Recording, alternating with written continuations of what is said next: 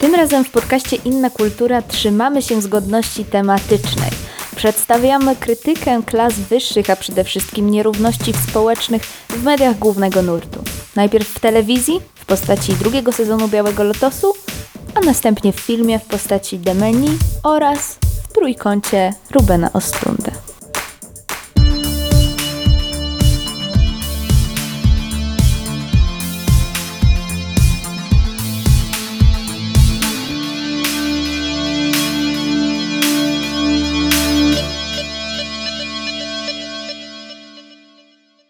Dzień dobry, witamy bardzo serdecznie w 183 odcinku podcastu Inna Kultura.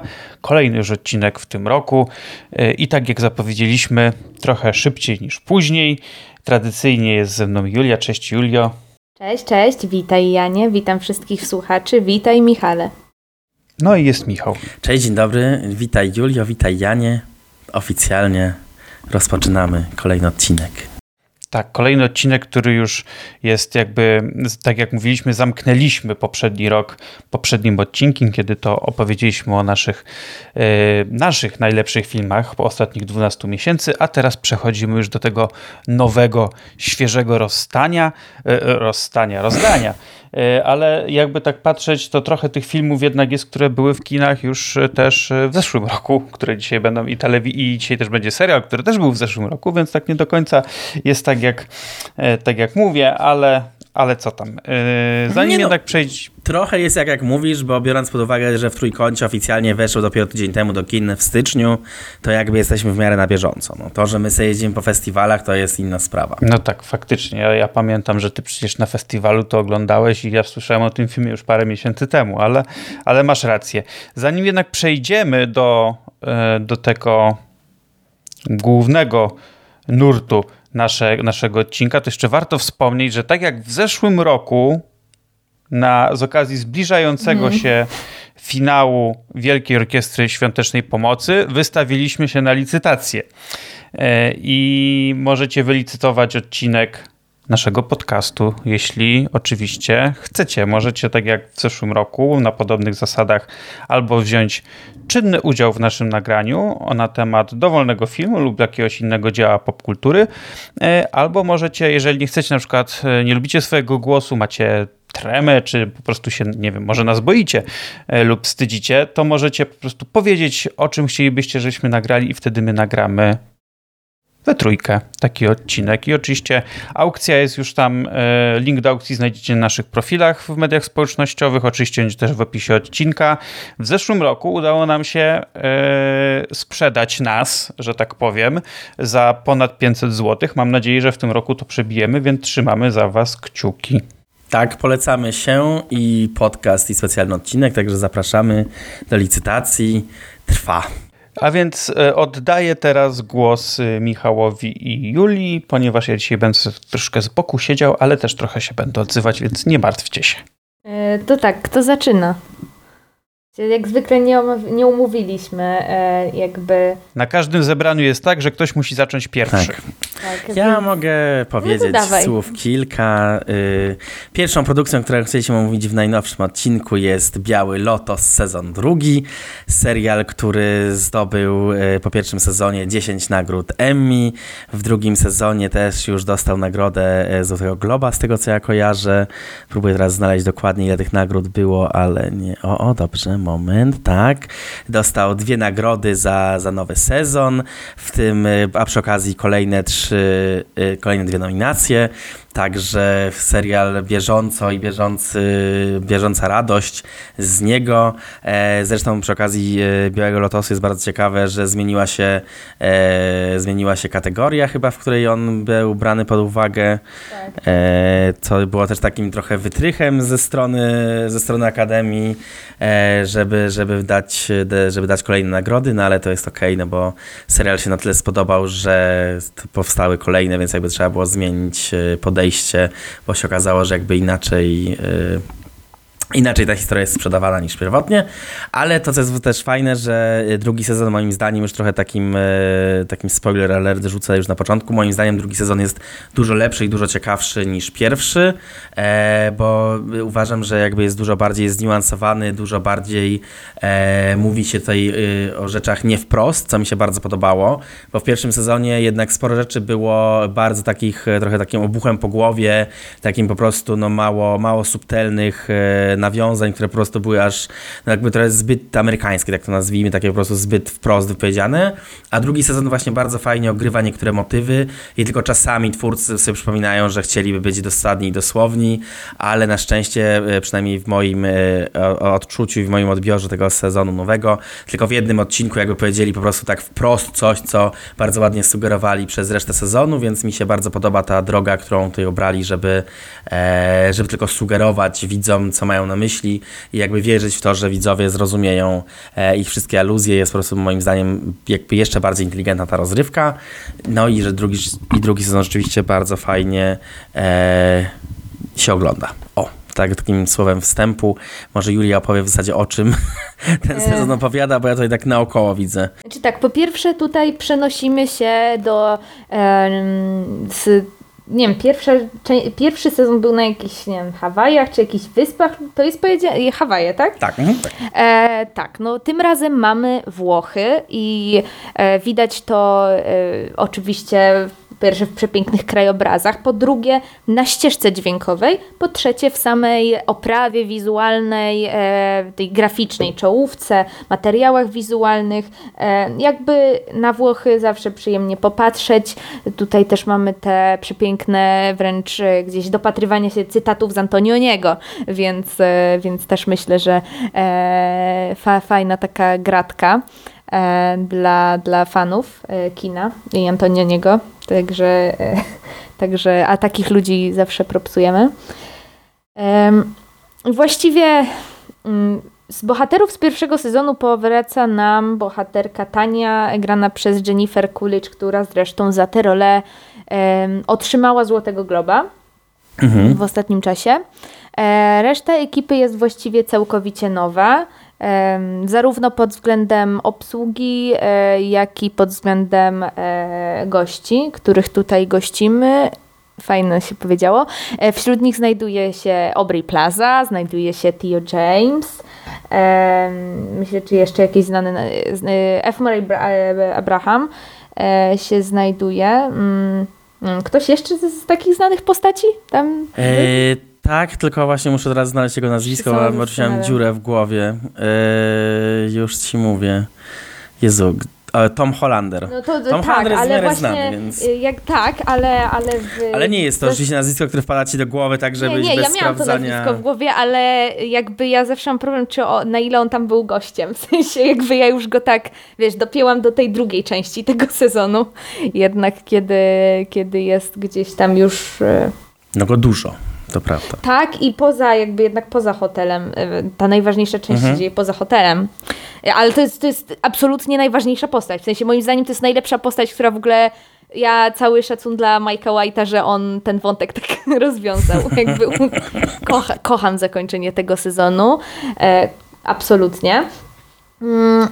I jakby jeśli widzieliście pierwszy sezon, to e, tutaj macie pod wieloma względami dokładnie to samo, czyli e, wielu dość zamożnych e, Amerykanów przyjeżdża e, do luksusowego kurortu, aby spędzić tam czas i obok nich oczywiście przewijają się postacie z klas niższych niż oni. W tym przypadku mamy tu dwie pracownice seksualne, Mie i Lucie chyba.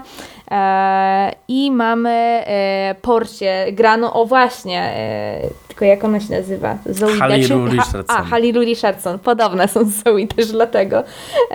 Tak, Halilu Richardson, gra, gra, grająca tutaj asystentkę Tani,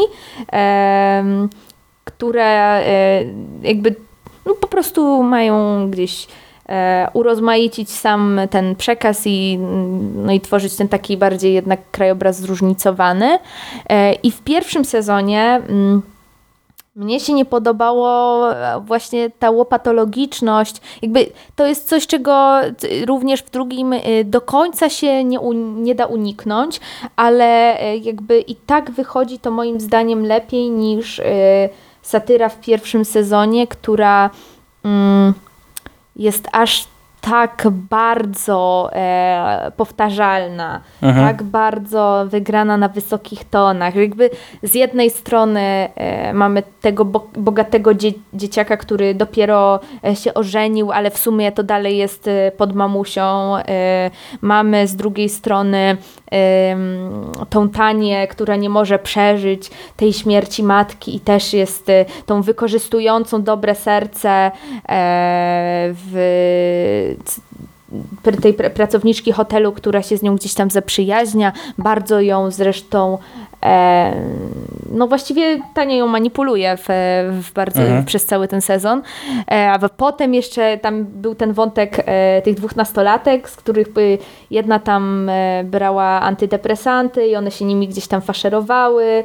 Był też ten sugestia wątku lesbijskiego. Tam one jeszcze czytały Simone de Beauvoir po drodze, więc tam było wszystko. Co zresztą przyznały, przyznały mhm. się śmiesznie, że w zasadzie w sumie nie czytały, tylko właśnie tak pozowały, że czytają przy tym, przy, przy przy tym, e, no, przy tym basenie. Tam jest taki wątek, w którym jakby pada, że w zasadzie no, one tylko tak dla picu to robią. Picu, no. Tak, żeby jak właśnie, żeby pokazać, że są niby takie oczytane, tak naprawdę to wcale w sumie nawet nie przeglądają tych stron.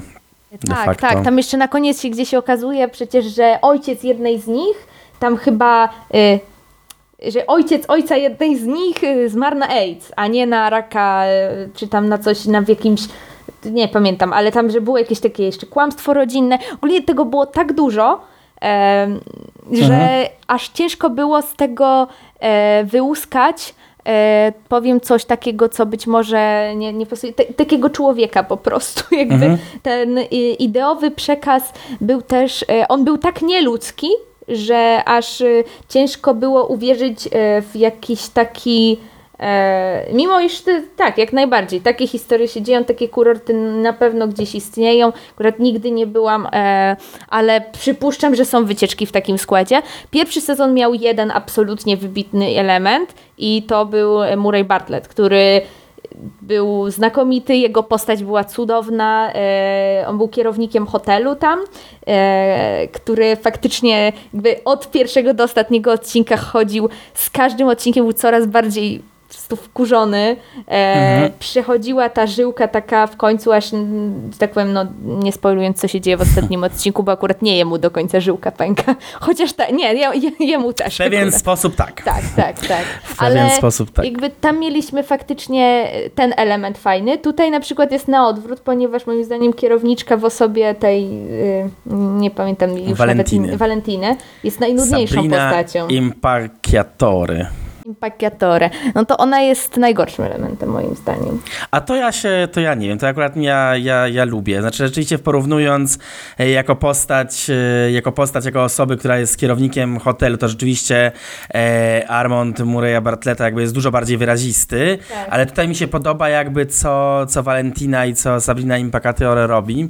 E, jakby to jest jakby też to, co mi się w sumie podoba w tym serialu e, te, i też to, co ja się trochę bałem, bo jakby ten pierwszy sezon mi się podobał, ale jakby miałem takie kurczę, no jeśli znowu dostajemy to samo, no to się mogę zmęczyć. To bardzo mi się właśnie podoba, że tam główny temat jest trochę inny, bo jakby w pierwszym sezonie tak. rzeczywiście jakby mamy e, taką stricte, mm, e, stricte na, nakierowanie na różnice klasowej, społecznej, wynikające właśnie tak naprawdę przeciw, e, głównie ze statusu e, finansowego, to ten drugi sezon bardzo fajnie ogrywa e, kwestie e, Kwestia erotyki seksualności, jako, tak. erotyki, tak, i tego w jaki sposób jakby podrywamy siebie nawzajem, jak odkrywamy w ogóle, kogo, jakby z kim byśmy chcieli się zbliżyć, jakby i w jaki sposób to robimy, w jaki sposób jakby możemy, e, w jaki sposób możemy się zbliżyć do tych osób. No i akurat w tym wypadku właśnie na przykład ten wątek tej Walentiny, e, tej kierowniczki też jest ciekawy moim, ciekawie moim zdaniem poprowadzony, bo pokazuje jakby, e, że można być jakby bardzo, mieć, osiągnąć wielki sukces jakby na, na, polu, na polu pracowniczym, a czucie jakby taka zagubiona nastolatka nastolatka w kwestii miłości, tak? I to jest fajnie pokazane moim znaczy, zdaniem. Niby, tak, ale no to wciąż jakby jest taki element naiwności, w sensie mhm. nie jest to nic, co mnie...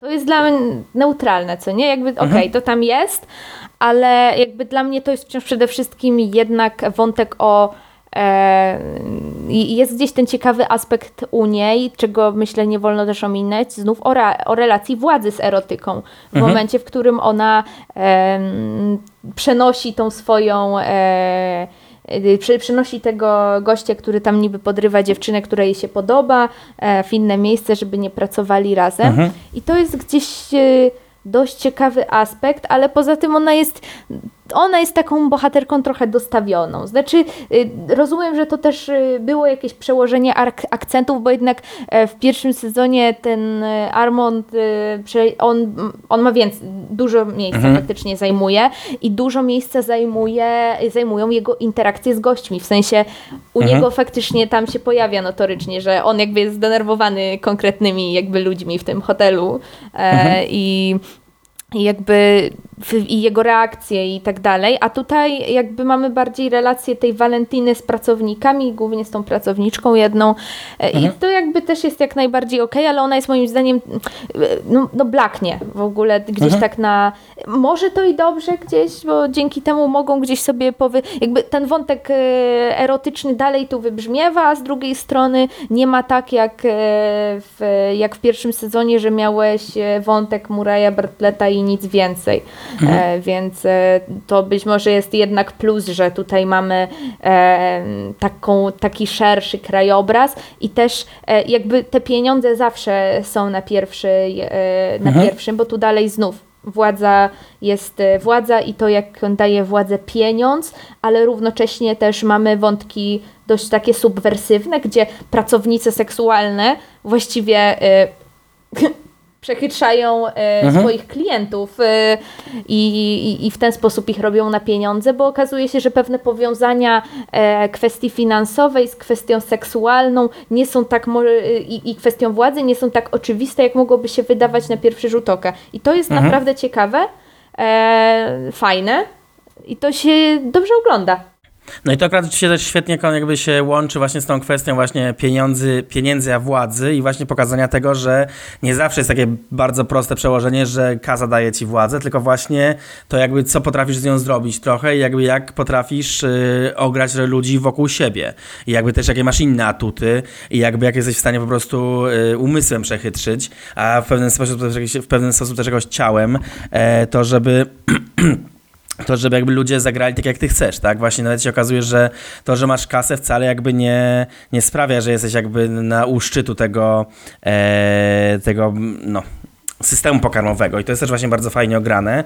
E, no i w ogóle ten drugi sezon tak naprawdę też jest e, bardziej jakby, ponieważ ma mniej bohaterów, to jest jakby mam wrażenie, że bardziej skupiony na, na konkretnych e, sytuacjach, konkretnych bohaterach i bardzo mi się też podoba, że wiele bohaterów jakby jest powiązanych w ten sposób, że jakby jedna na przykład właśnie bohaterki tych pracownic seksualnych są powiązane w zasadzie ze wszystkimi innymi bohaterami, tak? To jest bardzo fajnie też powiązane, też pokazane tak naprawdę też jakby lepiej to się ogląda, bo jakby tak naprawdę miałem poczucie, że ten wątek moglibyśmy wyłączyć, bo go mniej lubimy, tylko to wszystko jakby ze sobą płynnie e, współgra, jakby każda scena w zasadzie jest ważna dla całości. No i przy okazji też bardzo fajnie pokazuje, w jaki sposób te miejsca, które odwiedzamy, e, jakby mają na nas wpływ. To też jest jakby ciekawie zrobione, że tutaj też ma znaczenie, że e, to się rozgrywa akurat konkretnie rzeczywiście we Włoszech, więc te temperamenty tych bohaterek są ważne i jakby to jest bardziej, jakby bardziej właśnie fajnie pokazane, że jakby to ma też właśnie nagle znaczenie znaczenie, bo mam wrażenie, że ten pierwszy sezon, który się dzieje na Hawajach, mógłby się dziać równie dobrze na dowolnej innej A, wyspie, tak, bo ta kultura tak. jakby nie, nie wybrzmiewa aż tak. To mhm. też jakby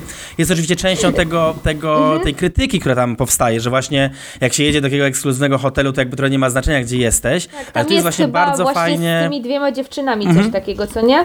Że chyba jedna tak. z nich się w chłopaku zakochuje, właśnie nie, nie, nie pamiętam dobrze. Je, jest coś takiego, tak, ale jakby tam jest tak, tak pokazane, że w zasadzie nie ma, jakby samo miejsce tam nie ma aż takiego znaczenia dla tego luksusu, a tu jest właśnie bardzo fajnie pokazane w tym drugim sezonie, że jednak ma znaczenie to miejsce i ten też jest bardzo dobrze ograne to, że na przykład właśnie e, i muzyka, właśnie jak wspomnieliśmy, jest włoska, ale w ogóle tu, że są też dialogi po włosku. To też jest super, że mamy jakby dialogi, że ten świat żyje jakby poza naszymi bohaterami głównymi, którzy są Amerykanami, żyje jakby też są własne problemy tych bohaterów jakby na lokalnej. To też jest super pokazane, ale przy okazji też właśnie bardzo fajnie ogrywa w ogóle kwestię y, takiej romantyzacji trochę e, Włoch przez Amerykanów, chociażby przez to, że tam znaczy... jest na przykład bardzo fajny wątek, że jadą do miejscowości, gdzie był nagrywany ojciec chrzestny, tak? Tak, ale Więc to, nie jest, jakby fajnie... to jakby no nie jest tylko problem z Włochami, to jest w ogóle problem całej Europy, że tak, ale jakby chodzi też jakby tak, ale chodzi mi, że jakby jest fajnie, że jest też odmieniona jakby sytuacja, w której jakby nagle to miejsce jakby ma znaczenie. Znaczy w sensie nie jest tylko po prostu, tak, że tak, tak, tak. ekskluzywny no, hotel, tylko jakby mamy trochę tego kolorytu e, lokalnego mimo wszystko. E, no i jeszcze jeśli rozmawiam właśnie dlaczego ten drugi sezon jest jakby lepszy i ciekawszy i te wątki są jakby bardziej spójne i jakoś tak się lepiej ze sobą zazębiają, no to warto wspomnieć o właśnie o wątku Obrej Plazy i jej, i jej faceta, jej męża, którego gra Will Sharp e, i jakby tego jak, on, jak oni ogrywają e, swoją przyjaźń z, z bohaterami Theo Jamesa i Megan Fahy, no bo to jest po prostu jakiś totalny majstersztyk jakby w budowaniu napięcia pomiędzy, pomiędzy dwoma parami i tego jak różne są układy właśnie sił e, i jakby takich e, drobnych rzeczy, które jakby robimy w związku, a które mają wpływ jakby na to, jak się zachowujemy wobec innych. I to jest też bardzo fajnie ograne, bo tam w zasadzie każda interakcja między każdym z tych bohaterów jakby pokazuje jakby kto próbuje jakie swoje kompleksy zakryć, a i w jaki sposób jakby to ogrywać i to jest naprawdę rzeczywiście bardzo ciekawe i dynamiczne i od strony aktorskiej jest rzeczywiście no, powalające tak naprawdę. I tutaj to, co, to, co właśnie Aubrey Plaza robi i Theo James w szczególności rzeczywiście jakby zasługuje na dodatkową uwagę jakby bardzo, bardzo jakby mnie przykuło i jakby sprawiło, że ten drugi sezon jeszcze lepiej mi się oglądało. Także to bardzo jest fajnie pokazane, że no te relacje są po prostu jakby dużo, mam wrażenie, że są jakby głębiej jeszcze zarysowane niż w tym pierwszym sezonie. I, i mam wrażenie, że, jakby, że Mike White też w jakiś sposób jakby po prostu się e, jakby nauczył jakby jeszcze lepiej pisać te postacie, więc to też by dobrze wróżyło na sezon trzeci, e, jakby co, co tam nam pokaże i kogo tam zatrudni, co też w ogóle jest fajnym teraz, e, fajną rzeczą, że to nagle jest taki serial, który po prostu możemy zgadywać, jakby jakich aktorów zobaczymy i w ogóle kogo byśmy chcieli, tak? To jest też ciekawa, e, ciekawy dodatek. Więc ja jestem bardzo na tak. Ja, ja również bardzo polecam zajrzeć do tego sezonu. Tym bardziej, że no właśnie ja nie byłam fanką kompletnie y, jakoś pierwszego. Znaczy, to dla mnie był bardzo taki masochistyczny seans. E, a jakby tutaj to naprawdę moim zdaniem bardzo dobrze, bardzo dobrze działa. Mm, I na tyle, na ile ta gdzieś mainstreamowa krytyka e, tej powiedzmy sobie e, bogactwa burżuazji, arystokracji, czy jakby to nazwać, jest w jakiś sposób ograniczona środkami, e, to tutaj myślę, że zostało wykorzystane wszystko. Ten aspekt kulturowy, soundtrack klasa, totalnie. Soundtrack jest klasa, to prawda i bardzo mi się podoba to, że czołówka jest jakby wariacją na temat czołówki z pierwszego sezonu, jest jeszcze lepsza. A, tak, tak, tak. I to tak. jest po prostu magia, jakby po prostu to co, to, co oni w tej czołówce robią dźwiękową, to po prostu jest totalny szacun i jakby no nie mogę się doczekać, jakby jaka będzie nowa wariacja w kolejnym, bo e, tutaj, ten, tutaj ten sezon pokazał właśnie, że e, no jakby ile można wyciągnąć po prostu z takiego prostego motywu, tak jakby jak on jeszcze lepiej potrafi wybrzmieć, kiedy się doda te nowe elementy, więc to byłem naprawdę bardzo pozytywnie zaskoczony, no i nigdy nie przerzucałem czołówki e, do przodu, tylko rzeczywiście za każdym razem w całości przesłuchana, bo no bardzo fajnie w ten nastrój i klimat wprowadza, więc wielkie gratulacje. E, no i tak, no ja też jestem bardzo zadowolony, że, że, że oglądam i że lubię, że ten serial powstaje i ma tak e, dobre, dobre opinie i że ma szansę jakby dalej, dalej trwać, jestem bardzo ciekawy jakby co, e, co dalej wyciągną. Są jakieś plotki, że będzie na temat, teraz na temat śmierci. Na temat śmierci w kulturze wschodu i ma się gdzieś w Azji niby dziać, więc zobaczymy. Jestem bardzo ciekawy, co, E, co z tym zrobią. No i w ogóle sam format jakby jest bardzo pojemny, no bo tak naprawdę, e, ponieważ jakby motywem przewodnim jest e, ekskluzywny hotel, no to możemy w zasadzie w dowolnym On jest zarazem miejscu na pojemny świecie. i niepojemny, bo jak y, przejdziemy już do tego, że on jest do tej tematyki samej, którą jest właśnie ta, ta gdzieś krytyka, to on jest już mhm. taki mm, trochę mam wrażenie ograniczony, ale do pewnego stopnia faktycznie. No też pytanie, wiesz, na ile na przykład jeśli się będzie rozgrywać na przykład y, powiedzmy w Indiach, bo to był jakiś pomysł, który niektórzy rzucali i na przykład jak za, jakby wyjdzie jakby poza same ramy hotelu jeszcze bardziej, no to jest, jest duża szansa, żeby powiedział coś, y, jakby też coś y, nowego i jakby z innej perspektywy. No pytanie, jak do tego, jak, jak zostanie to pokazane, jak do tego twórcy dojdą, ale jakby no sam, sam fakt, że możemy się w zasadzie przenosić w różne kręgi kulturowe, jakby daje duże pole do popisu, więc zobaczymy. No ja, ja myśląc o tym, jakby kiedyś wiedziałem w ogóle pierwszy raz, że ma być trzeci sezon, to pomyślałem o tym, że na przykład też ciekawym miejscem mogłoby być y, na przykład kurort narciarski. To jest takie miejsce, które niby jest ograne przez popkulturę, ale nie aż tak i to też mogło być jakbyście sprawić ciekawe e, jakby pokazać ciekawe aspekty, ale no zobaczymy. Wydają się jednak te, ta Azja jakby bardziej jeszcze pojemna, bo mamy zbicie jakby totalnie dwóch różnych kultur i różnego e, podejścia tak, do jednostki, więc no ja jestem, e, ja jestem pełen podziwu i jakby trzymam wielkie kciuki, żeby Mike White napisał dobry, dobry scenariusz i zatrudnił jak najlepsze osoby. No na razie dwa sezony pokazują, że jakby no ma do tego rękę i oko, więc ja jestem dobrej myśli. No i jak skończyliśmy już mówić o dobrych rzeczach, to możemy przejść do, e, że tak powiem, krytyki. E, będziemy... I możemy zaktywizować Jana. Tak. Ja chciałem się tylko jeszcze o jedną rzecz dopytać w temacie, który właśnie skończyliście, tak żebym dobrze zrozumiał. Te, te sezony są ze sobą niepowiązane, jeśli chodzi o fabułę. No nie po tak. Znaczy jest, znaczy jest tylko jedna postać, bohaterka, która, która no, się to rozumiem, ale tak generalnie to nie jest, że to jest ciągłość, tak? Nie, że trzeba, nie. Czyli można równie dobrze obejrzeć drugi sezon, nie oglądając pierwszego. Można, tak. Okej, okay, można. No, I będzie ciekawe. zrozumiały i na przykład y, mój znajomy y, na przykład obejrzał właśnie najpierw drugi, a dopiero potem pierwszy. I też jakby mu się podobało i jakby e, miał duży fan. Więc... Okej, okay. no dobra, to ja może sobie y, nadrobię jakoś w najbliższym czasie. E, tak jak już kiedyś mówiłem, chyba od pierwszego, od, w pierwszym sezonie obejrzałem jeden odcinek i się odbiłem, ale wszyscy, wy to teraz potwierdzacie, wszyscy mówili, że drugi sezon jest znacznie lepszy od pierwszego, więc może po prostu zacznę sobie od właśnie tego drugiego sezonu i, i tym zacznę przygodę z tym serialem. Więc zobaczymy. No, jak, jak uda mi się nadrobić, to na pewno dam wam znać i podzielę się swoimi wrażeniami. Czekamy. A teraz przechodzimy dalej, tak? I tu Julia już mówi, że do gorszych rzeczy. Tak, ciekaw tak. jestem, ciekaw jestem, co powie. E, przechodzimy do filmu Menu, który y, w polskich kinach był chyba jakoś w listopadzie, jeśli dobrze pamiętam, albo w grudniu, nie, nie, nie, wiem dokładnie, ale z początkiem stycznia wjechał również na streaming na Disney+. I to jest film no, w całkiem niezłej gwiazdorskiej obsadzie, można powiedzieć, bo jest tu Ralph Fiennes, jest Anna Taylor-Joy, Nicholas Holt, Hong Chau tutaj gra, którą, o której mówiliśmy przy okazji Wieloryba y, i jeszcze kilka, kilka znanych twarzy się na ekranie pojawia i no jak można się domyślić z tytułu oraz z plakatu, jeśli widzieliście, będziemy tutaj mówić o kuchni, jedzeniu, o smakowaniu i co z tego może wyniknąć, ponieważ no generalnie fabuła zarysowuje się w ten sposób, że grupa ludzi płynie e, małym statkiem na pewną e, wyspę, bardzo, bardzo małą wyspę, żeby uczestniczyć w takiej bardzo ekskluzywnej kolacji u jednego z najwybitniejszych szefów kuchni.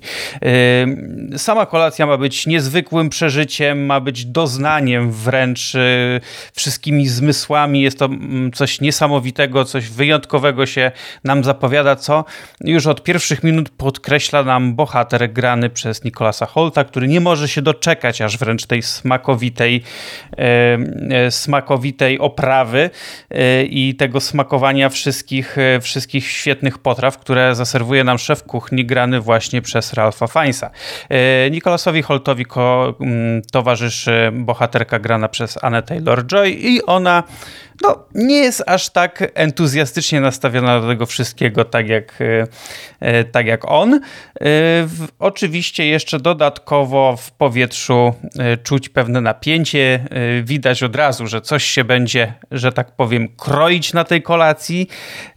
No i ja powiem szczerze, że ja tego filmu nie widziałem w kinie i słyszałem o nim raczej dużo takich pozytywnych opinii, e, trochę zachwytów, a trochę po prostu, że to jest naprawdę e, dobry i przyjemny, przyjemny obraz. E, ja czekałem, znaczy może nie, że czekałem, po prostu nie zobaczyłem go w kinie, jak się dowiedziałem, że jest, będzie do obejrzenia na Disney Plusie, to, to wyczekiwałem tego seansu i muszę przyznać, że dla mnie to był dobrze spędzony czas, ale też nie jestem jakby w tej grupie, która by się tym filmem nie wiadomo jak zachwycała, ale na pewno też nie znajdę się e, w tym rondelku, w którym znajduje się Julia pełnym e, niesmacznych rzeczy.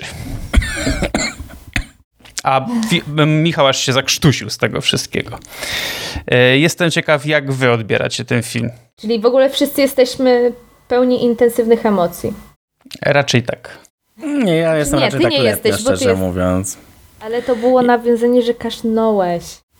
A, okej. Okay. Sorry. jakby... Funech. Jakby ja tutaj zaczęłam tak ostro, i jakby to nie wynika z tego, że ja się jakby na tym filmie znów y, źle bawiłam, czy coś takiego, czy nie wiem, oglądanie tego e, gdzieś tam mnie zmęczyło i w ogóle. Ale ja jestem zmęczona oglądaniem tego samego filmu po raz kolejny. Po prostu już, już nie wiem, już tak, już, już tak czuję czasem jakby jak, jakbym, nie wiem, oglądała cały czas, cały czas to samo. I jeszcze tak obok tego Triangle of Sadness, obok tego White Lotus, to gdzieś tak e, nie wiem, no akurat nie uważam, żeby menu się prezentowało na ich tle, jakoś tak odstawało jakością czy coś, bo tak ogólnie to, to w miarę e, to gdzieś ma, ale jakby dla mnie to ten film bardziej przypomina takie filmy ze Stevenem Seagalem na Polsacie. Tak, no, nie wiem, no same, same gdzieś te zwroty akcji, które są e, myślę najważniejszym elementem właściwie tego filmu. No to nie jest film zbudowany no, na tym, że robimy kino, tylko to jest film zbudowany na tym, że robimy zwroty akcji, które gdzieś mają budować tą charakterologię głównego bohatera jako zmarnowanego kucharza pełnego nadziei i tak dalej. Jest równocześnie e, gdzieś bardzo taki sentymentalny w tych swoich e, e, scenach, gdzieś jak ona przychodzi, mi się przypomina to zdjęcie w tej burgerowni. Jakby, nie no, wszystko, wszystko super. Jakby to nie jest moje kino. I ja jak to oglądam, to widzę, że to nie jest film, który e, ja jakby chcę jakoś e, obejrzeć, czy jakby o którym mam cokolwiek jakoś do powiedzenia, poza tym, że jest i, i, i że gra tam obsada taka, że znam twarze wszystkie. No mhm. tyle, co nie? Ja mam, ja mam podobne, znaczy ja mam podobnie, niepodobnie. Znaczy ja mam tak, że rzeczywiście ten film trochę takie letnie uczucia we mnie, we mnie rodzi, bo mam wrażenie, że ten koncept, który tutaj jest za, zastosowany, jakby miał e, szansę być jakby jeszcze jakby dużo bardziej zrobiony po bandzie, jakby jeszcze dużo bardziej wywołujący napięcie. Ja mam trochę taki problem w tym, że oni trochę się starają niby budować napięcie i właśnie wprowadzając te zwroty akcji, wprowadzając jakieś rzeczy, e, które mają nas po prostu niby wybić e, z, z pantałyku.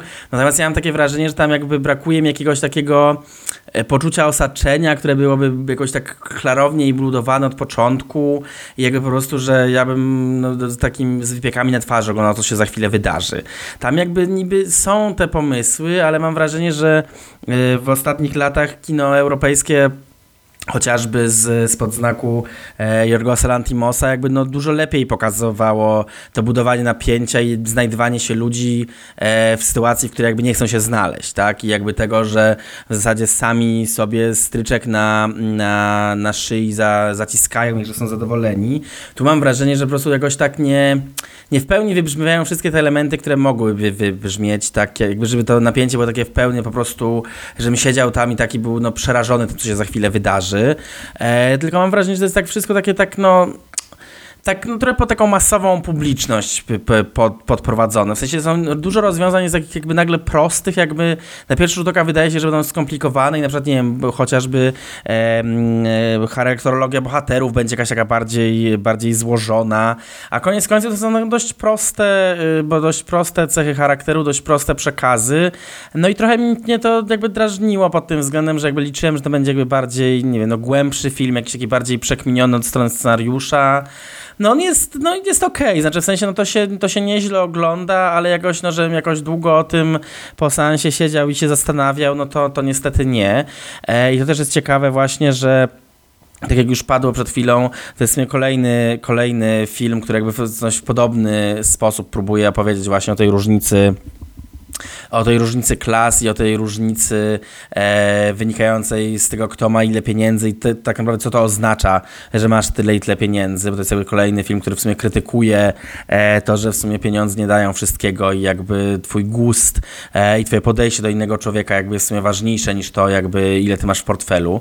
I to akurat też, to akurat jest nieźle pokazane w tym filmie, zwłaszcza właśnie w, e, w postaci Annie Taylor-Joy, która jakby jest trochę z innego świata i trochę inaczej jakby zachowuje się wobec e, tych osób, których, z którymi przebywa. Jakby jest bardzo wyraźnie jakby wyraźny kontrast między nią a Nicholasem Holtem, który no po prostu yy, bardzo ma tra transakcyjne podejście do tej rzeczywistości, ale też takie e, mało, e, mało refleksyjne, tak jakby on w zasadzie e, z jednej strony przyszedł jakby poczuć najlepsze doznanie kulinarne na świecie i jakby nawet nie zauważa, że, że trochę zostaje robiony, robiony w konia. E, I to jakby tutaj dialogi z Anią Taylor-Joy są rzeczywiście fajnie to pokazują.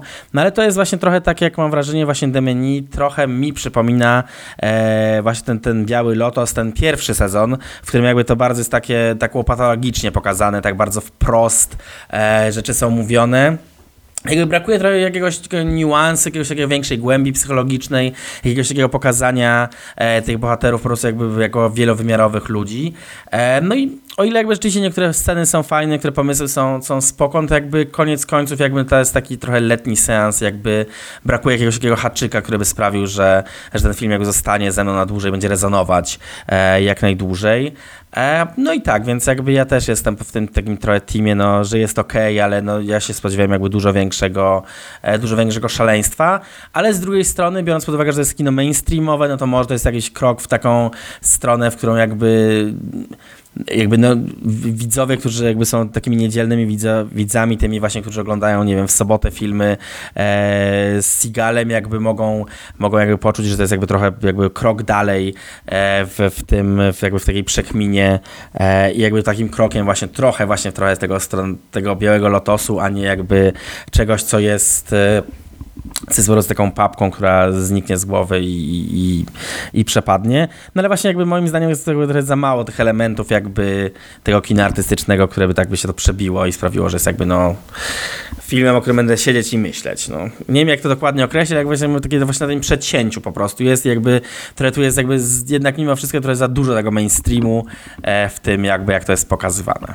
My, myślę, że jest teraz dosyć niewiele osób, którzy, które spędzają sobotę na oglądanie filmów z Seagalem, ale, e, ale ja, się, ja się poniekąd z wami zgadzam, ponieważ mi też, e, ja tak jak mówiłem, sporo dobrego o tym filmie słyszałem i może nie powiem, że się trochę przehypowałem z nim, tylko tak miałem trochę inne, e, inne oczekiwania, ponieważ myślałem, że ten film, tak jak ty Michał powiedziałeś, będzie tak trochę bardziej po bandzie.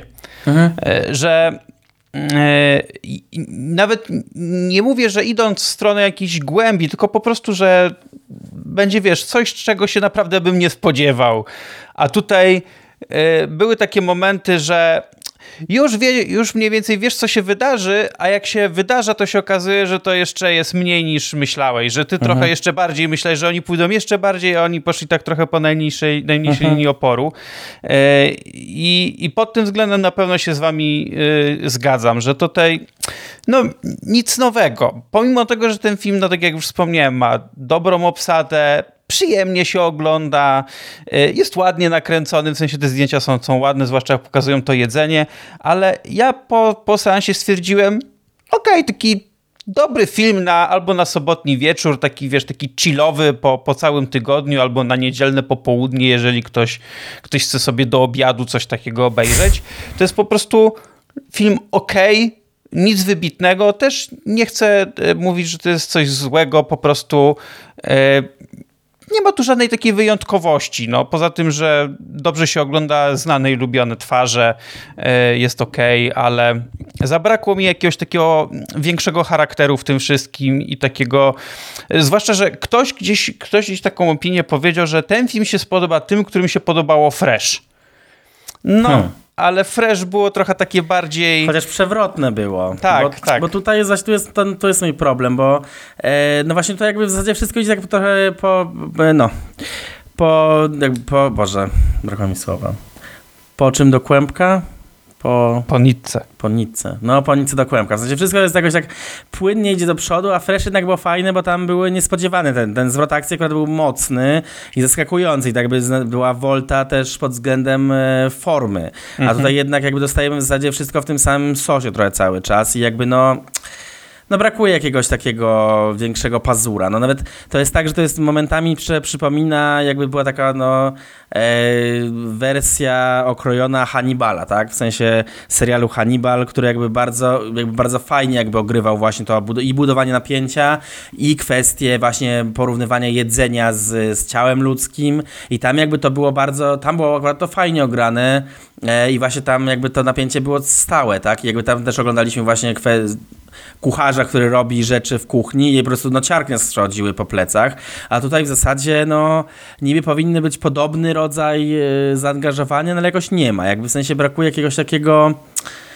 no jakiegoś takiego wabika, który by nas po prostu przytrzymał no, tak, tak emocjonalnie w tym. Tam się tak, no dzieją się te rzeczy, no ale no mamy takie poczucie, no dobra, ale mogliby wyjść, tak? Jakby brakuje jakiegoś takiego elementu, w którym byśmy byli naprawdę no przerażeni tym, na co ci ludzie się godzą. No, niestety. Więc ja tu chyba już nawet nic nie będę dodawać, bo w zasadzie y, byłoby to powtarzanie się, więc. Y, no więc tak, no generalnie prosty, prosty film, przyjemny, ale raczej nic więcej. Jakby przeżycia kulinarnego z tego nie będzie. No niestety. No niestety. To teraz oddaję znowu wam głos. Teraz temat filmu, który jest do oglądania w kinach teraz aktualnie. I w sumie też się wpisuje w krytykę, e, krytykę klasową i krytykę różnic e, tak międzyludzkich i też się rozgrywa w sporej części w luksusowym miejscu. E, film w trójkącie Rubena Ostlunda, film, który dostał e, Złotą Palmę w Cannes. Jako drugi reżyser e, Ruben Ostlund dostał jakby film po filmie Złotą Palmę. E, I, no i to jest historia o grupie, o grupie ludzi, którzy wyruszają na ekskluzywny rejs z statkiem, no i w trakcie podróży dzieją się bardzo dziwne, różne rzeczy.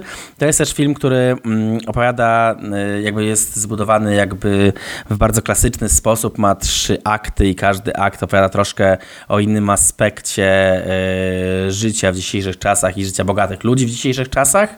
E, I bardzo ciekawie wypada e, tutaj w szczególności koncepcja, która jest zaprezentowana e, w pierwszym akcie i w relacji e, pary, która, która jest model i influencerka e, i tutaj jakby rozmowy pary na temat tego, kto ma prawo płacić w związku i jakby w zasadzie kto większą wagę przykłada do pieniądza od drugiej osoby i to bardzo jest jakby bardzo ciekawa, taka bardzo niezręczna, bardzo fajnie ograna ta niezręczność. E, e scena jest rozmowa bohatera Harrisa Dickinsona z bohaterką e, Charlie Dean, e, w której jakby jest e, bohater jakby rozmawia ze swoją partnerką o tym, kto miał prawo zapłacić za obiad, bo kto lepiej zarabia i w zasadzie kto kogo powinien zaprosić na tą kolację i co to oznacza dla ich związku.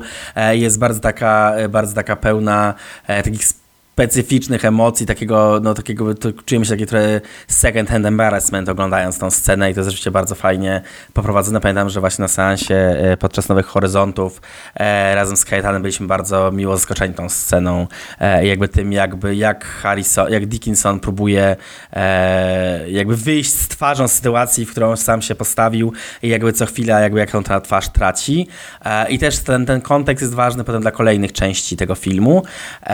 No i tak, to jest historia, która pokazuje, e, pokazuje różnicę e, statusu i też pokazuje tak naprawdę, e, jak status jest rzeczą e, niepewną i jak bardzo iluzor, iluzoryczną i tak naprawdę jak bardzo jest rzeczą, którą jako społeczeństwo jakby się zgadzamy na to, żeby, żeby były różnice społeczne, co w trzecim akcie zostaje bardzo fajnie pokazane, w, tutaj odwracając całą sytuację, w której się bohaterowie znajdują, jakby kto jest na szczycie to już padło w tym odcinku, kto jest na szczycie tego e, systemu pokarmowego, a kto jest, a kto jest jakby niżej. I to właśnie to odwrócenie jakby jest ciekawym, ciekawym wątkiem. E, I oddam głos Julii. Fajnie, że powiedziałeś o tym second hand embarrassment na początku, bo wskazałeś na to, co mi się podoba w tym filmie. Mhm. I to jest dobre też miejsce do tego, żeby odbić do tego, co mi się nie podoba, bo faktycznie te pierwsze sceny są naprawdę świetne. Sam mhm. e, scena, e, gdzie oczywiście musi paść tytuł Triangle of Sadness, e, mm, w który, tego, tego przesłuchania, całego castingu, e, scena Balenciaga, H&M też mhm. jest jakby nice, fajnie. Wspaniała. Tak. E, wszystko, co się dzieje gdzieś dalej, na przykład jest to cudowne ujęcie na to przesadzanie gości na pokazie mody. E, mhm. Też wspaniałe. I dochodzimy do kolacji, do tego momentu, jakby wszystko gdzieś idzie, idzie swoim torem, i faktycznie czujesz się niekomfortowo oglądając to. Mhm. Jakby oglądasz, ty myślisz sobie, ja, okej, okay, jakby on dokładnie wie, jakby te sceny nie muszą dobrze wyglądać, nie muszą być jakimiś pięknymi krajobrazami, jak to jest na przykład ze sceną z przesadzaniem gości na pokazie, która jest jakby nagrana jak The Office, trochę przypomina. Po prostu nie muszą być. To jeszcze wzmacnia po prostu pewien taki e, ta, ta pewna władza nad obrazem, mhm. tak, wzmacnia, tak, tak, dyskomfort. Ale kiedy wchodzimy na statek, to z tego, od tego momentu jest równia pochyła. W sensie ten film się robi jednym powtarzalnym żartem. I jakby mhm. dla mnie przedstawienie też tego, y, że tak powiem, tej. To nie jest aż tak świeże. Jakby no na tym polegała cała e, rewolucja, to, to już było. To nie wiem, Stefan Żeromski e, o tym przecież też pisał w przedwiośniu. E, no, jakby to, to gdzieś się zdarzyło i to jest wciąż gdzieś po prostu e, dla mnie w tym filmie akurat to, to by mogło być fajne i świeże. Jakby, tak, bo żyjemy jak najbardziej w kulturze powtarzalności, trawestacji, remiksowania. Super. Ale to jest po prostu kontynuacją tego samego żartu, który, którego uosobieniem jest ten cały oligarcha, o co gada Aisel Shitze, jakby to jest mhm. jego osobowość. To jest jedyne, co ja pamiętam o nim po prostu z tego filmu, e, że, że, że, że to powtarza. E, I tak, no od momentu jak siadamy, że ona nie je tego makaronu tylko do zdjęcia, bo to ma laktozę, o tak, później z tym. Są jeszcze przebłyski takie całkiem e, w porządku z tym basenem, e, cały tym kąpielą. Okej, to jest jakby chodzi o to przedobrzenie tego dyskomfortu. Jakby po prostu, że oglądasz mhm. ten film i masz się czuć źle, a nie masz się czuć na zasadzie o, śmieszne w sumie, że się takim zdarzyło. Jakby ja bardziej to, to, to jakby chcę poczuć, bo inaczej to dla mnie się staje jakimś takim pustym żartem, który tutaj naprawdę ma duży wymiar jakiejś takiej powtarzalności, schematu, bo znów mówimy tutaj o e, krytyce, która następuje od wielu dziesięcioleci regularnie, również w kulturze gdzieś się w jakiś sposób przejawia. E, I nie wiem. No chociażby w, w trzech filmach, które omawiamy, tak, w trzech produkcjach, tak, które omawiamy tak. teraz, tak? To jest jakby motyw, który jakby jest jakby bardzo na topie teraz, właśnie to są przykłady, które pokazują, że jakby różni twórcy w tym samym czasie jakby podobne rzeczy próbują pokazać, tylko trochę innymi środkami. Pamiętam, że przy premierze tego filmu była taka em, dyskusja na temat też jego nagrodzenia w Cannes e, i też widziałam, że wielokrotnie przewijało się gdzieś to w recenzjach, że mamy film nagrodzony przez kanańskich jurorów, całe to piękno, blichtr i krew, y, że tak powiem, nawiązując do filmu, który zobaczymy w tym roku. I że jak obserwuje się tych ludzi, niektórych, to oni wcale nie, nie zachowują się lepiej niż ci, których ten film krytykuje. Na koniec ten film nagradzają, nic się nie zmienia i po prostu tak w koło Macieju trochę. I mówię, to, to nie jest absolutnie wywrotowe, to jest w dużej mierze e, ten sam żart przez po prostu bite dwie godziny. No bo, przez dwie i pół nawet. Nie, bo pół godziny jest dobre. Dlatego, A, dlatego powiedziałam, okay. że dwie. Okay, tak, okay. tak. Pół godziny jest, jest, jest okej, okay, naprawdę. Tym bardziej, że Ostlund jest y, naprawdę sprawnym reżyserem. On ma fajne rzeczy na koncie i naprawdę dość ciekawe. The Square jest świetnym filmem w tym kontekście. Filmem, który właśnie buduje dyskomfort, a nie, nie przechodzi z tego dyskomfortu w jakieś takie e, taki rubaszny humorek e, po prostu, mhm. w którym główne miejsce zajmuje, że tak powiem, e, ludzkie płyny i tym podobne. E, Woody Harrelson oczywiście jest znakomity. Jakby Woody Harrelson jest cudowny, ta jego postać faktycznie e, jest w ogóle świetny casting moim zdaniem. Jakby jest też, też fajnie napisana, gdzieś okej, okay, też wpasowuje się w pewne w pewne e, normy, acz no, taki kapitan to nie jest jednak nie wiem, Ralph Fiennes y, nie, nie, nie cytuje, tak, że tak powiem, y, rzeczy. Woody Harrelson tak. to jest zawsze świetny casting. Tak, to, to, to zdecydowanie, ale tutaj mamy faktycznie takiego e, marksistę, który gdzieś ten, e, to nie zawsze się w tych filmach zdarza, więc no tutaj akurat jest jakiś taki ciekawszy element, e, ale no i ta obsada nim, Harris Dickinson jest e, naprawdę spoko, no świętej pamięci Charby Dean jest również naprawdę świetna w tej roli. którą, którą nawet się nie spodziewałam, że, że, że to jest tak fajny występ. I jakby gdyby nie to, co się później tam dzieje, że on się staje tym samym filmem, który widzieliśmy już wiele razy, a w ostatnich latach oglądamy go regularnie, to okej. Okay. No jak widać jest, bo jak widać jest chodliwy temat, tak? Jakby jest temat, znaczy, który nie, no, temat jest taki, robisz temat na ten temat, taki, dostajesz złotą palmę, no to jedziemy, też, no. Tak, bo dostajesz też, bo ludzie się czują z tym lepiej też, jak zwracają na tak. to uwagę w ten sposób. Um, bo to, to równocześnie, jaki to jest sposób bardzo efektowny Mhm. Dlatego mam problem, że to nie jest po sposób niekomfortowy. W tym dla mnie menu jednak trochę trochę miejscami wygrywa, że budzi jakąś taką budzi jakąś taką dozę po pierwsze faktycznie nie tyle odrazy do tych wszystkich bohaterów, co takiego poczucia od w ogóle jakiegoś wyobcowania i gdzieś tam e, faktycznie nie czujesz się dobrze oglądając ten film, a Triangle of Sadness jednak, nie wiem, jest pewnym takim dalszym kontynu, kontynuatorem, jakim dalszym kontynuatorem, to trochę oksymoron, boże, tautologia, e, ale jakby pleonazm, tak dokładnie. E, ale w tym przypadku to jakby, kurczę, Masz o, znów, tak jak powtórzę, że masz tego Ostunda, który robi film, który jest taki sam jak poprzednie, dostaje w Cannes złotą palmę. No to, to, co też powiedziałeś.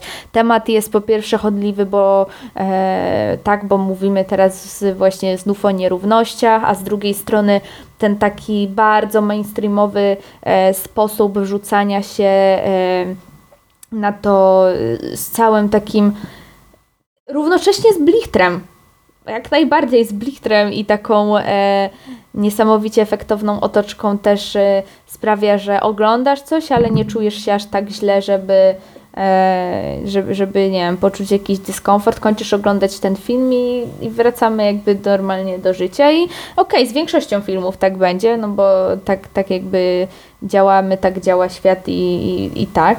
Okej, okay, tak jest ale mam wrażenie, że to jednak w tym przypadku jest takie bardzo jakieś utylitarne po prostu. Znaczy jest jedna, jest jedna rzecz, która właśnie w tej budowie, mam moim zdaniem w tej budowie właśnie trój, e, w tym, tym, tym, tym, tym podziale tej historii na trzy akty, e, jest też jakby coś takiego, co ty też zwróciłeś uwagę, bo mam wrażenie, że w tym pierwszym akcie to my się śmiejemy w, jeden, jakiś, w jakiś sposób z siebie.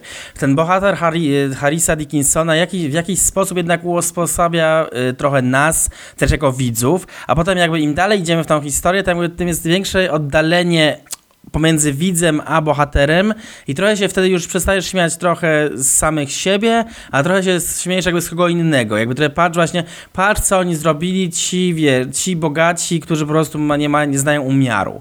I jakby to jest też taka, trochę to, jest to co może jakby w jakiś sposób cię odbija w jakiś, od tego filmu, że właśnie z tego punktu widzenia, w którym jakby ty się jesteś w stanie jakby zżyć z tymi bohaterami, trochę śmiać właśnie z samego siebie, więc w związku z tym jakby masz krytykę świata, w którym my żyjemy i w takim razie można mieć wpływ na zmianę twojego zachowania, wchodzisz w coś takiego, co jakby się oddalasz coraz bardziej i jakby się śmiejesz kogoś, z kogoś innego, kto jakby wiesz, że istnieją tacy ludzie, ale jakby w zasadzie ty nie masz z nimi styczności, więc jakby to jest trochę bardziej oddalone. Tak, tak. I, i, i to, trochę jest, to jest trochę też taki element, który jest zaskakujący w tym filmie, że, no, że właśnie jakby przechodzi ta zmiana po prostu tej, tej perspektywy, ale z drugiej strony to, to, czy mi się na przykład, mi się ten film dobrze oglądało i nie przeszkadza mi też, że on trwa tyle czasu, ile trwa, ale moim zdaniem to jest to, co ty powiedziałaś, to na przykład najbardziej widać moim zdaniem w trzecim akcie. On w pewnym momencie po prostu zbyt często powtarza to samo. Znaczy w sensie jest tak, że zbyt wiele jest scen, które są na dokładnie ten sam temat i ogrywają te sceny i swoje pomysły ten, dokładnie w ten sam sposób.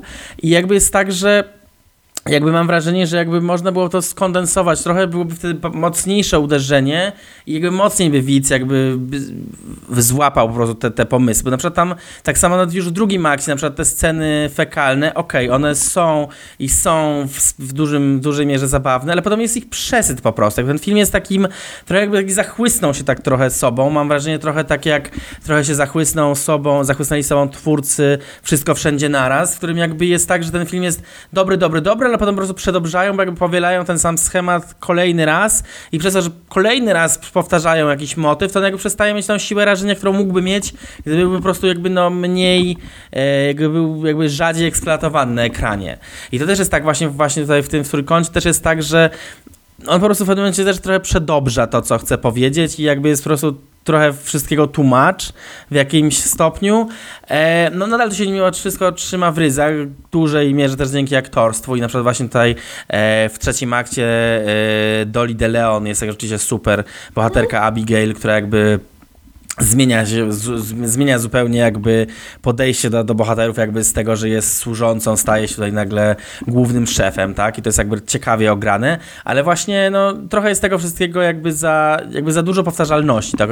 O, która padła już tutaj kilka razy, e, żeby ten jakby, że ten film jeszcze, jeszcze mocniej mógł wybrzmieć. No i nie wiem, znaczy ja, ja go lubię, ale jakby no nie, na przykład właśnie wspomnianym The Square byłem bardziej jakby zachwycony, w sensie bardziej ta świeżość tego pomysłu i te, tego, tego odczucia, tego poczucia e, właśnie dyskomfortu mi się bardziej podobała. Tak samo w turyście to poczucie dyskomfortu mi się bardzo podobało. Zresztą w turyście też było bardzo fajne to, że to też była sytuacja, w której jakby mogliśmy się w pełni odnaleźć na zasadzie tak jakby, a jakbym ja zareagował i jakby, jakby ja, ja się zachował w tej sytuacji, jakbym ja się zareagował, gdyby inni moi bliscy się zachowali w ten sposób, tak? Natomiast tutaj jakby ten próg wejścia właśnie w trójkącie jest trochę wyższy e, i jakby trochę właśnie brakuje takiego właśnie tego elementu śmienia się z samych siebie, który był właśnie bardzo mocno obecny w tych poprzednich filmach. E, jakby nadal go lubię, nadal uważam, że mimo wszystko jest dobrym filmem, moim zdaniem jest lepszym niż, niż Demeni, ale no czegoś brakuje takiej pełni szczęścia, żeby rzeczywiście być, e, żeby być w pełni zachwycony, więc jakby ja z tego tercetu właśnie na, na podobny temat, ja jednak White Lotus 2 bym stawiał na, na, samym, na samym szczycie. E, jakby to tam, tam ta koncepcja jakby najlepiej mi się podobała, jakby i przedstawienie jej na ekranie jakoś najbardziej mnie kupiło i ci bohaterowie też najbardziej jakby e, byli dla mnie wyraziści.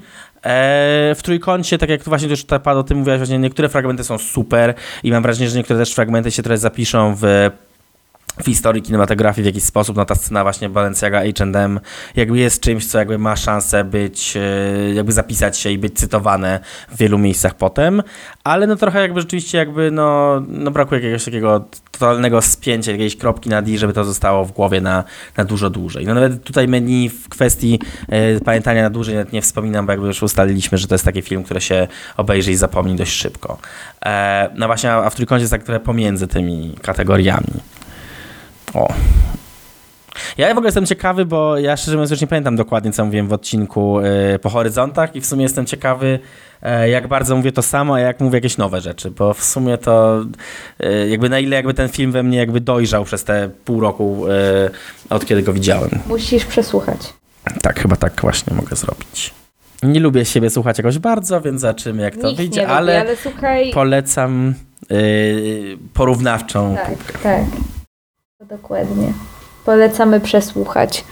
W ogóle odcinki nowohoryzontowe to jest e, dobry materiał też na 2023, bo te filmy albo jeszcze nie wyszły, albo wychodzą gdzieś sobie po cichu na mm, VOD, więc e, polecam je w ogóle tak obserwować zawsze po dłuższym czasie, bo wtedy można faktycznie na te filmy gdzieś zwrócić uwagę, kiedy faktycznie wchodzą do kina albo wchodzą e, do, e, na streaming, a my na przykład e, o nich nie mamy gdzieś, nie wiem, czasu nagrać ochoty czy czegoś tam. No ale też z drugiej strony już raz nagraliśmy, nie? No Więc tak, tak, tak. jest taka- Wspomnieć o, na przykład zapominamy wspomnieć, co nie, bo też nam czasem to omija. No. No tak, w ten sposób. No na pewno jeszcze, jeśli w, w temacie trójkącia chciałem jeszcze zwrócić jedną uwagę, która akurat jest e, bardzo dobrym jakby marketingowym zagraniem, no że e, w trójkącie na razie jest e, chyba jednym z najlepiej zarabiających filmów w Polsce. W sensie ma rzeczywiście jakby stałą widownię i ludzie jakby tłumnie, tłumnie e, od momentu premiery e, na niego poszli. E, chyba około 100 tysięcy widzów już, już zrobił, więc całkiem, całkiem spoko jak na tego, tego rodzaju kino, więc e, cieszy w sumie, że takie filmy ludzie chcą oglądać. Mimo wszystko. I jesteśmy w sumie ciekawi, jak, jak wy odbieracie. W sensie, drodzy widzowie, możecie się podzielić swoimi wrażeniami. Tak, Janie? Czyli, czyli generalnie w, w, w pojedynku z tego odcinka telewizja wygrywa. Tak. No dobrze, dobrze, dobrze.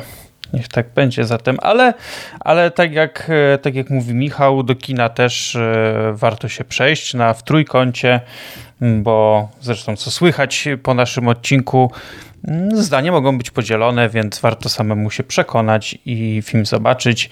Zwłaszcza, że pomimo tego pewnie, co Julia mogłaby powiedzieć, ta Złota Palma nie wzięła się znikąd, więc, e, więc idźcie, dawajcie znać, jeśli, jeśli zobaczycie i chcielibyście się podzielić. E, My w tym momencie kończymy. Mam nadzieję, że w kolejnym odcinku uda się w końcu tego nieszczęsnego awatara omówić.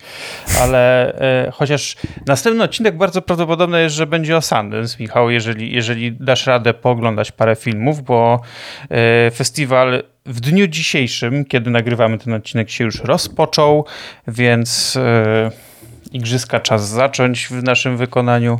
Tak? Czy ty możesz już dzisiaj oglądać jakieś filmy w związku z tym? Czy od nie, jutra dopiero? Nie, no właśnie. nie, nie, dopiero tak soboty naprawdę od chyba? soboty. No właśnie. E, A no ale oficjalnie Tak festiwal rozpoczął się Tak, dzisiaj. tak, tak. Więc, y, więc prawdopodobnie y, też pojawi się odcinek właśnie o tym festiwalu. Mam nadzieję, że zobaczymy dużo, dużo dobrego kina, y, które pewnie będzie się w nadchodzących miesiącach oraz w, nawet w przyszłym roku pojawiać się na ekranach i kin, i, i streamingów, bo, bo już tam parę, parę maili do mnie doszło, że niektóre z tytułów, które będą na festiwalu, będą na niektórych, na niektórych platformach streamingowych w późniejszych miesiącach, więc zobaczymy.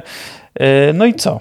I jeszcze raz yy, powtórzę mój mały, delikatny apel z początku tego odcinka, czyli yy, bierzcie udział w licytacji yy, na rzecz Wielkiej Orkiestry Świątecznej, mm, Świątecznej Pomocy. Yy, Oczywiście wszystkie pieniądze, które wpłyną, automatycznie lecą do skarbonki, nie do nas, my z tego nic nie mamy, poza waszą, poza wdzięcznością do was, więc bierzcie udział w licytacji, zapraszamy i co? Kończymy na ten moment, prawda? Kiwam głową. Chyba tak. To nawet nie chyba, tylko tak. Yy, Więc yy, kończymy i do usłyszenia. Do usłyszenia. Do usłyszenia.